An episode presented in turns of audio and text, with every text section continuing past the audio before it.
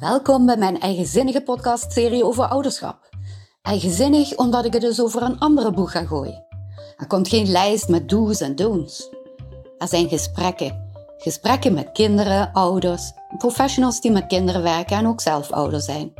En ze vertellen ons daarin over de zin van eigenheid, authenticiteit. Want daarmee kun je nog plezieriger ouder zijn en kind zijn. Bevestiging, herkenning, verveling, irritatie of inspiratie. Wat jij eruit haalt, laat je verrassen.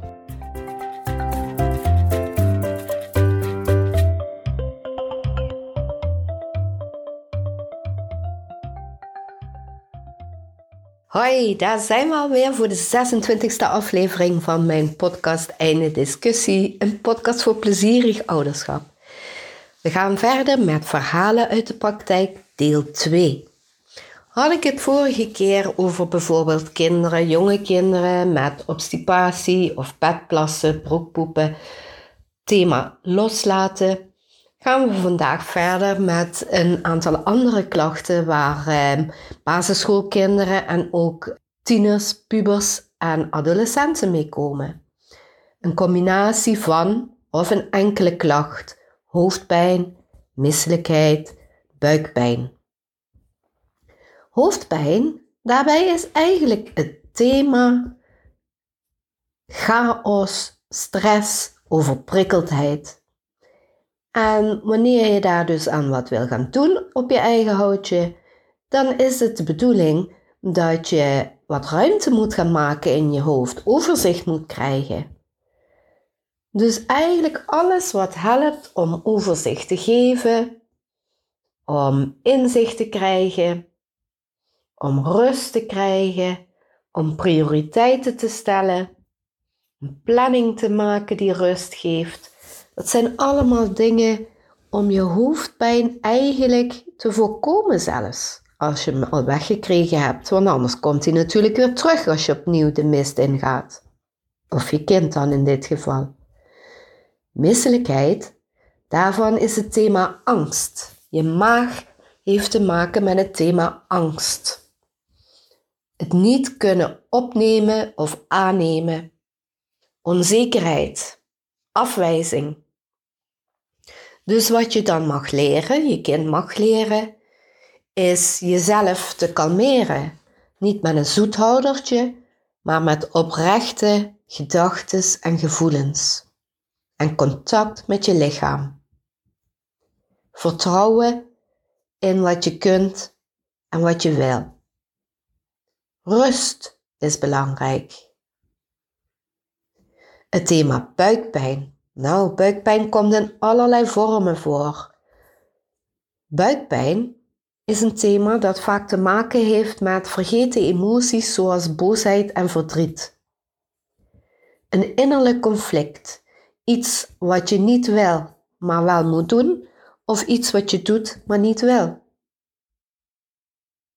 Dan gaat het er eigenlijk om om te leren dingen los te laten of een, uh, ja, een soort deal te vinden, een oplossing te vinden ergens in het midden.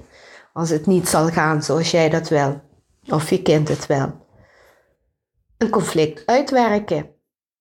Niet half, maar heel.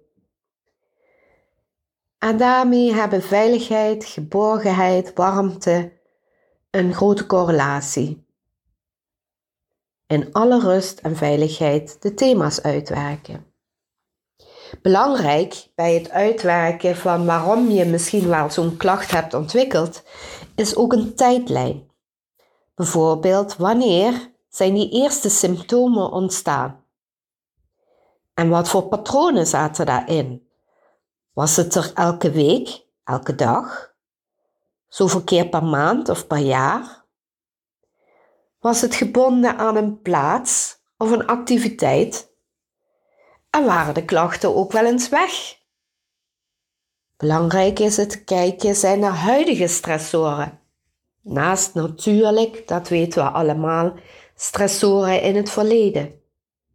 Maar zoals ik vorige keer ook al zei, dat hoeven niet per se trauma's te zijn. Dat kunnen ook opgestapelde kleine stressertjes zijn geweest.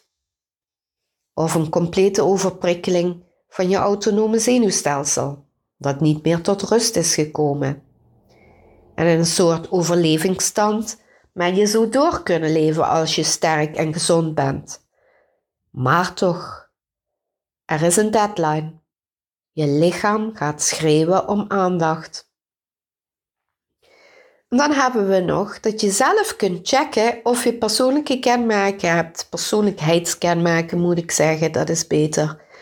Die te maken hebben met uh, perfectionisme, pleasen, geen nee kunnen zeggen, voor iedereen het goed willen doen, jezelf wegcijferen, weinig grenzen aangeven, thema's die te maken hebben met eigenwaarde, je zelfvertrouwen, schuld, schaamte en die onverwerkte emoties die we daar al hebben genoemd. Wanneer je daar eigenlijk zicht op hebt gekregen door um, bijvoorbeeld verhalen te lezen van andere mensen die soortgelijke klachten hebben gehad. En die kun je overal lezen. En in Nederland is dat bij de stichting Zie mij nu, als het om jongeren en kinderen gaat. Bij volwassenen kun je dat op stichting Emoveren. En nog uh, soortgelijke mind-body um, stichtingen. Want gelukkig is het uh, nu een nieuwe mogelijkheid om je daarin te verdiepen zonder dat je voor gek wordt verklaard. Onverwerkte emoties zijn bewezen, niet altijd, mogelijke oorzaken van lichamelijke klachten. Blijft belangrijk om je lichaam te laten checken op stuk zijn. En wanneer dat niet stuk is en er dus ook niet gerepareerd kan worden, dan is het zaak op zoek te gaan naar een eh, psychofysiologische stoornis. Een klacht die zowel in je lichaam als in je geest in samenwerking vraagt om aandacht. En die klachten zijn voor het grootste deel omkeerbaar. Dus vertrouwen in dat je dat gaat lukken om dat weer terug te draaien is heel belangrijk. Helaas is het zo dat heel veel mensen in de omgeving je soms proberen om te praten om toch nog eens even dit middeltje of dat middeltje, allerlei labmiddeltjes te proberen. Maar dat zijn eigenlijk ook maar uh, verzachtende middelen. Wanneer je niet aan de oorzaak werkt, heb je de grootste kans op terugkerende of juist wisselende klachten. Die kunnen schieten van top naar teen en weer terug. Zoals ik het vorige keer ook al aankondigde, het opzoeken, het releasen van je happy chemicals, dat is super belangrijk om als tegenwicht te bieden voor al die gebieden waar je nog niet zeker van bent, waar je je energie verliest, je energie lekken. En die happy chemicals, dat zijn dopamine, oxytocine, serotonine en endorfine.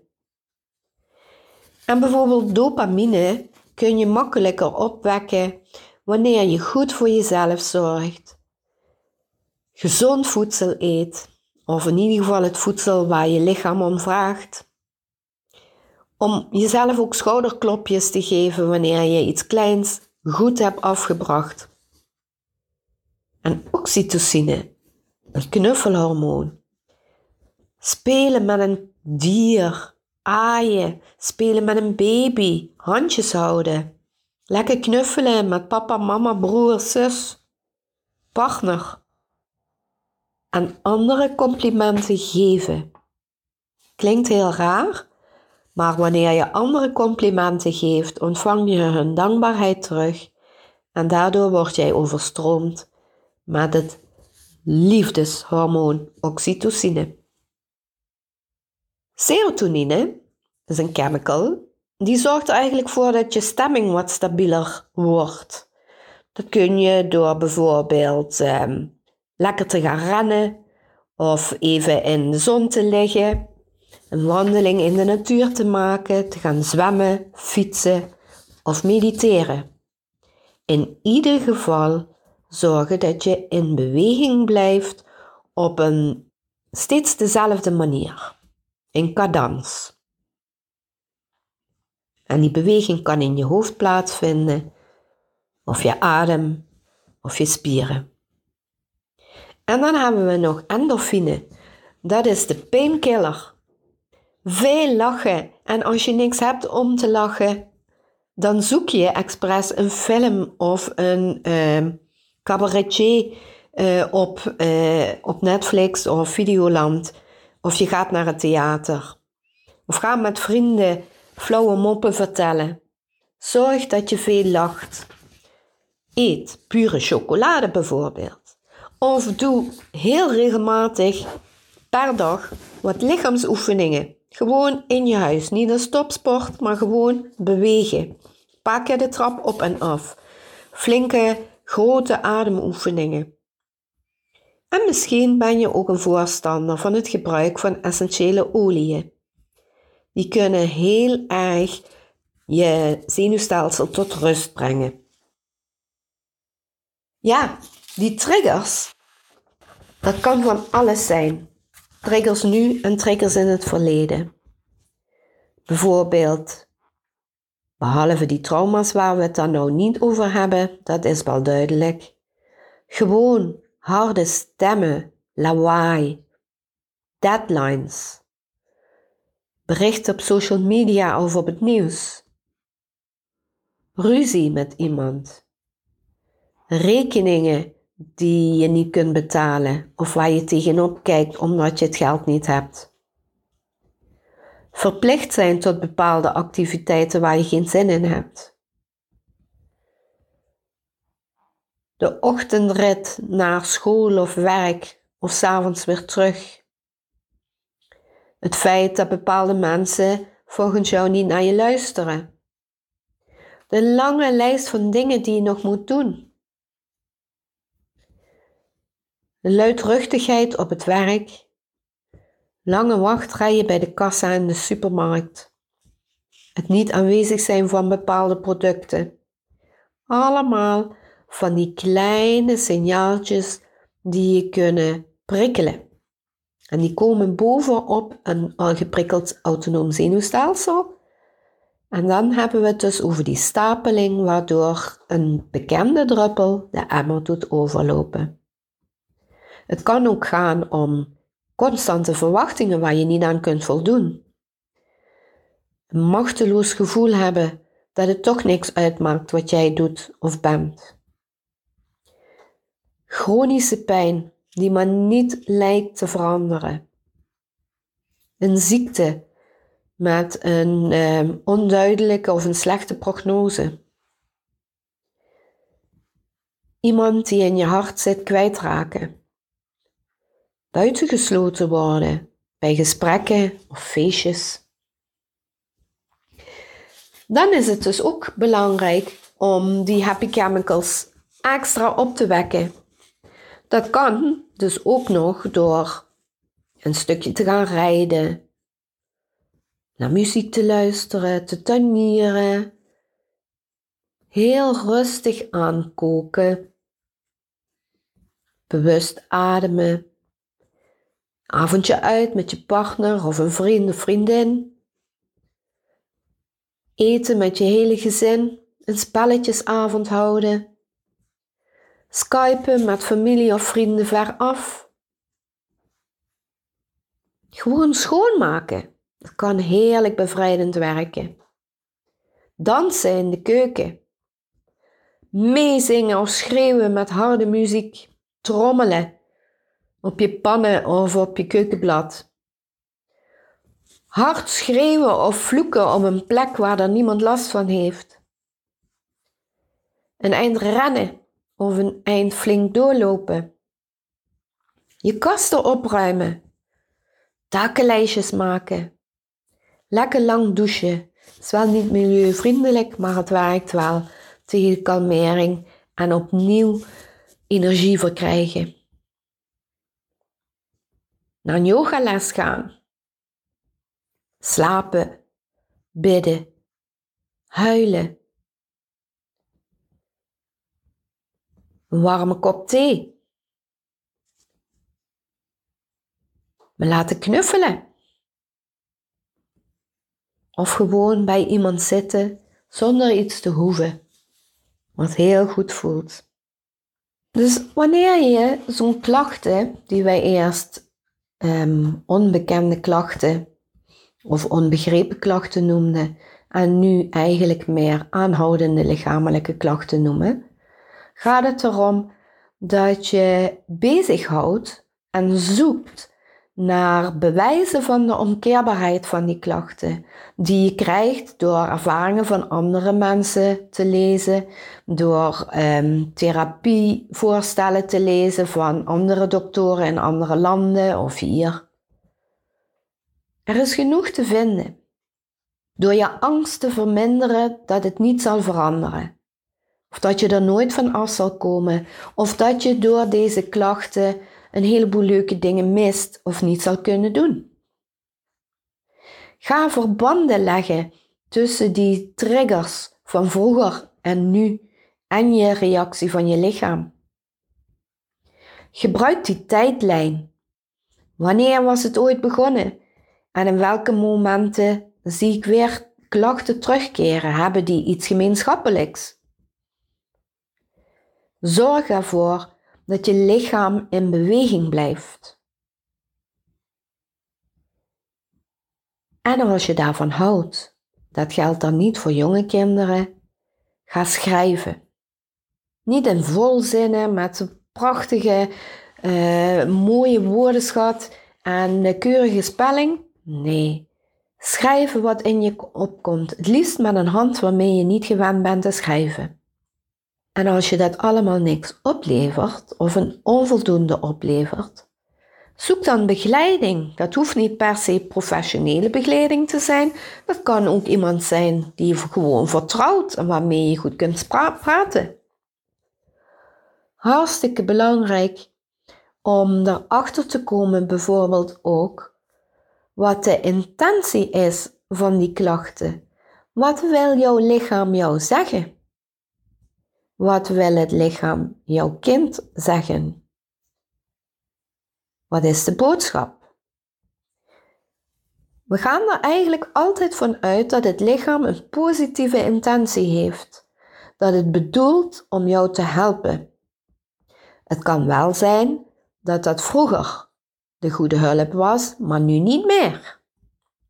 Waar heeft het jou ooit tegen beschermd?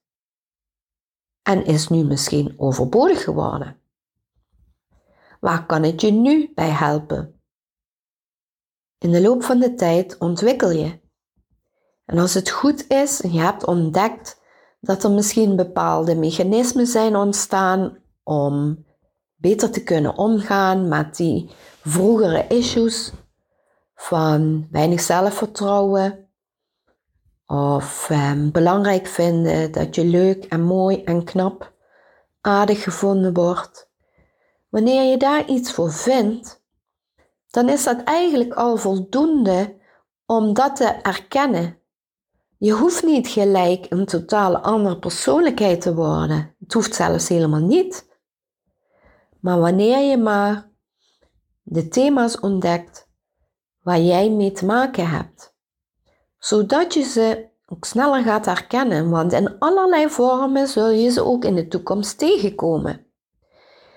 En hoe gevoelig jij daarop gaat reageren hangt af van hoe ver jij bent met je inzicht. Een beetje zal die gevoeligheid ook erfelijk zijn. Of heb je overgenomen van mensen die je dierbaar zijn omdat je zag dat het zo ging? Maar daarvoor hoef je niet belemmerd te raken. Iedereen heeft wel eens een keer buikpijn of hoofdpijn. En als je dan nagaat dat het misschien was omdat je iets moest doen waar je totaal geen zin in had, oké, dan is dat zo, dan weet je dat. Dan kun je voor de volgende keer kiezen of je die buikpijn ervoor over hebt of niet. Ten alle tijden heb jij de regie in handen. En je kind dus ook. Wij moeten dat onze kinderen leren. Wij moeten leren met ze te praten over wat ze prikkelt, overprikkelt of onderprikkelt. En niet weglachen of bagatelliseren. Het is belangrijk alles serieus te nemen, want misschien zitten die dingen wel verborgen onder klachten die nu als een lichamelijke klacht naar voren komen, of misschien wel emotionele uitbarstingen. Je kind heel erg bang wordt, heel erg boos. Slaapproblemen vallen ook onder die categorie. Die hebben we nog niet genoemd. Een slaapprobleem heeft meestal niets met slapen te maken, maar met het feit dat er overdag dingen zijn die het hoofd bezig blijven houden of bang maken. Dus ga op zoek waarom dat hoofd s'avonds niet durft los te laten. Waarom het niet ter ruste gelegd kan worden. Waarom er wantrouwen is of oplettendheid blijft. Waarom er overprikkeling is die niet tot rust komt. Was er te veel van het goede? En dan zie je ook vooral bij middelbare schoolkinderen dat in de begintijd van de brugklas en op het einde weer bij de eindexamentijd het best allemaal heel veel is en slecht overzien wordt wat er nog allemaal moet gebeuren en of ze dat wel allemaal redden. En dat hebben we ook al eens verteld. Het is in die leeftijd eigenlijk heel normaal om te denken dat dingen heel groot zijn. Dus wanneer ze een uh, aantal uh, uren met hun uh, huiswerk bezig zijn, dan wordt dat in hun hoofd vergroot. En wanneer iets moeilijk is, wordt dat in hun hoofd vergroot.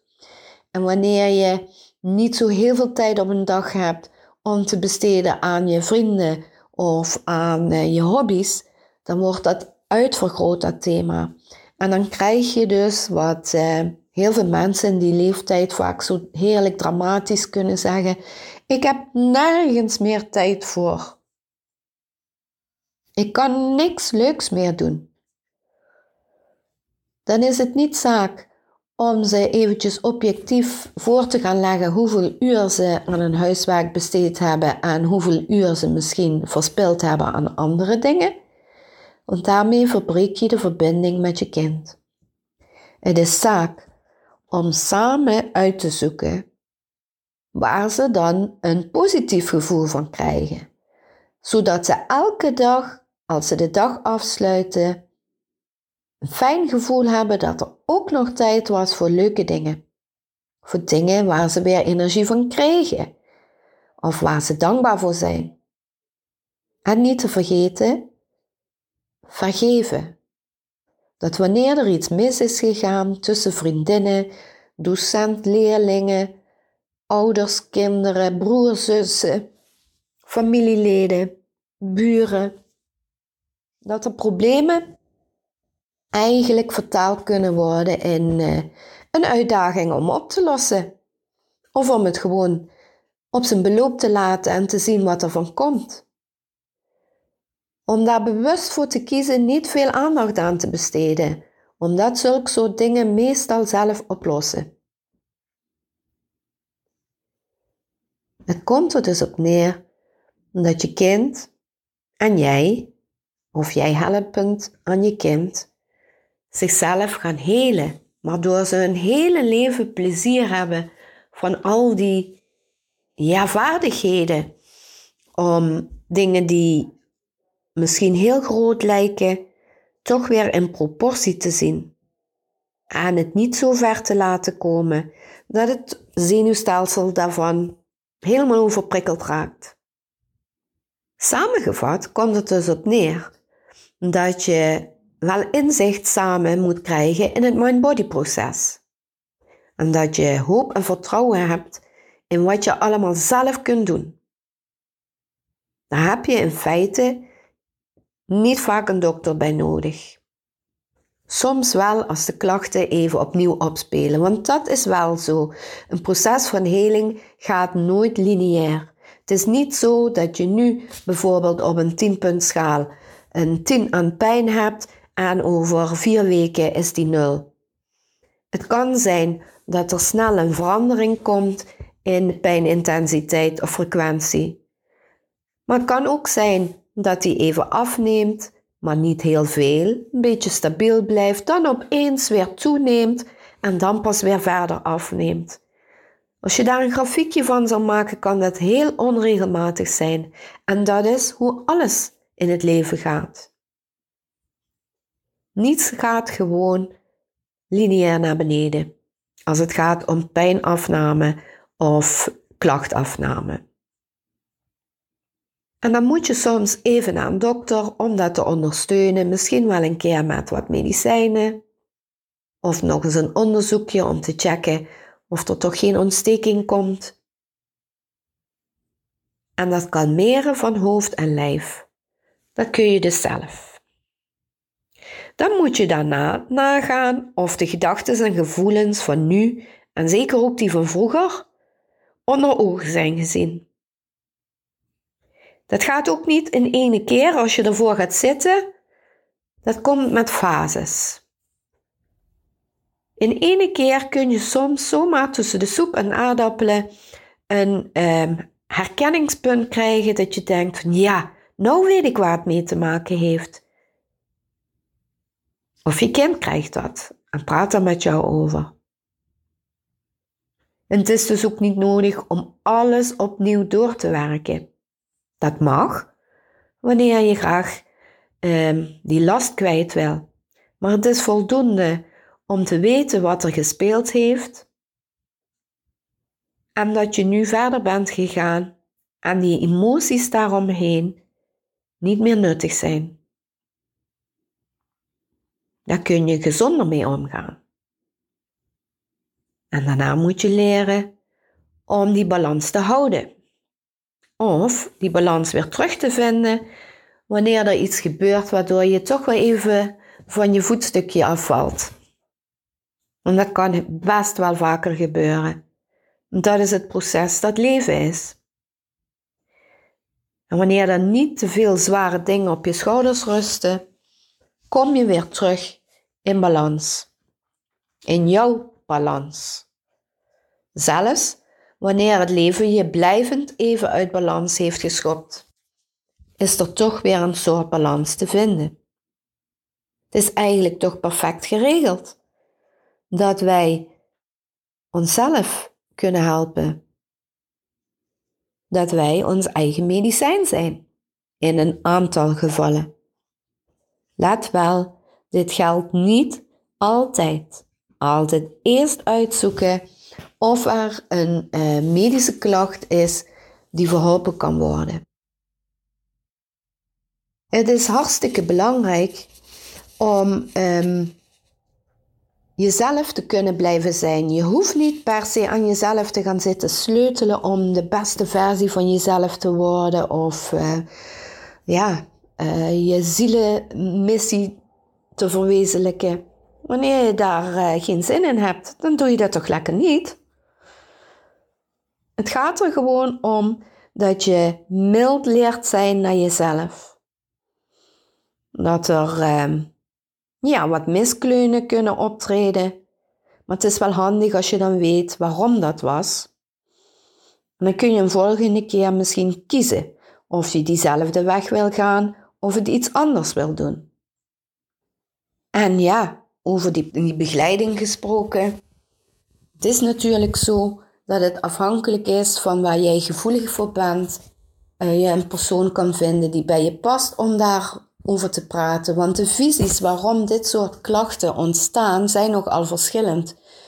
Er uh, zal niet iedereen positief op reageren. Niet in uh, familiekringen, kennissenkringen, collega's, maar ook niet in medische kringen. Dan zul je misschien wel eens je hoofd stoten en een deurtje verder moeten gaan om gehoor te vinden. Maar geef het niet op, want het is mogelijk om weer heel fit en blij te worden. Ik wens je alweer heel veel succes met het opsporen van triggers die jou belemmeren, zodat je een keuze kan maken of je dat proces voort laat gaan of dat je er iets in gaat veranderen. Tot de volgende keer.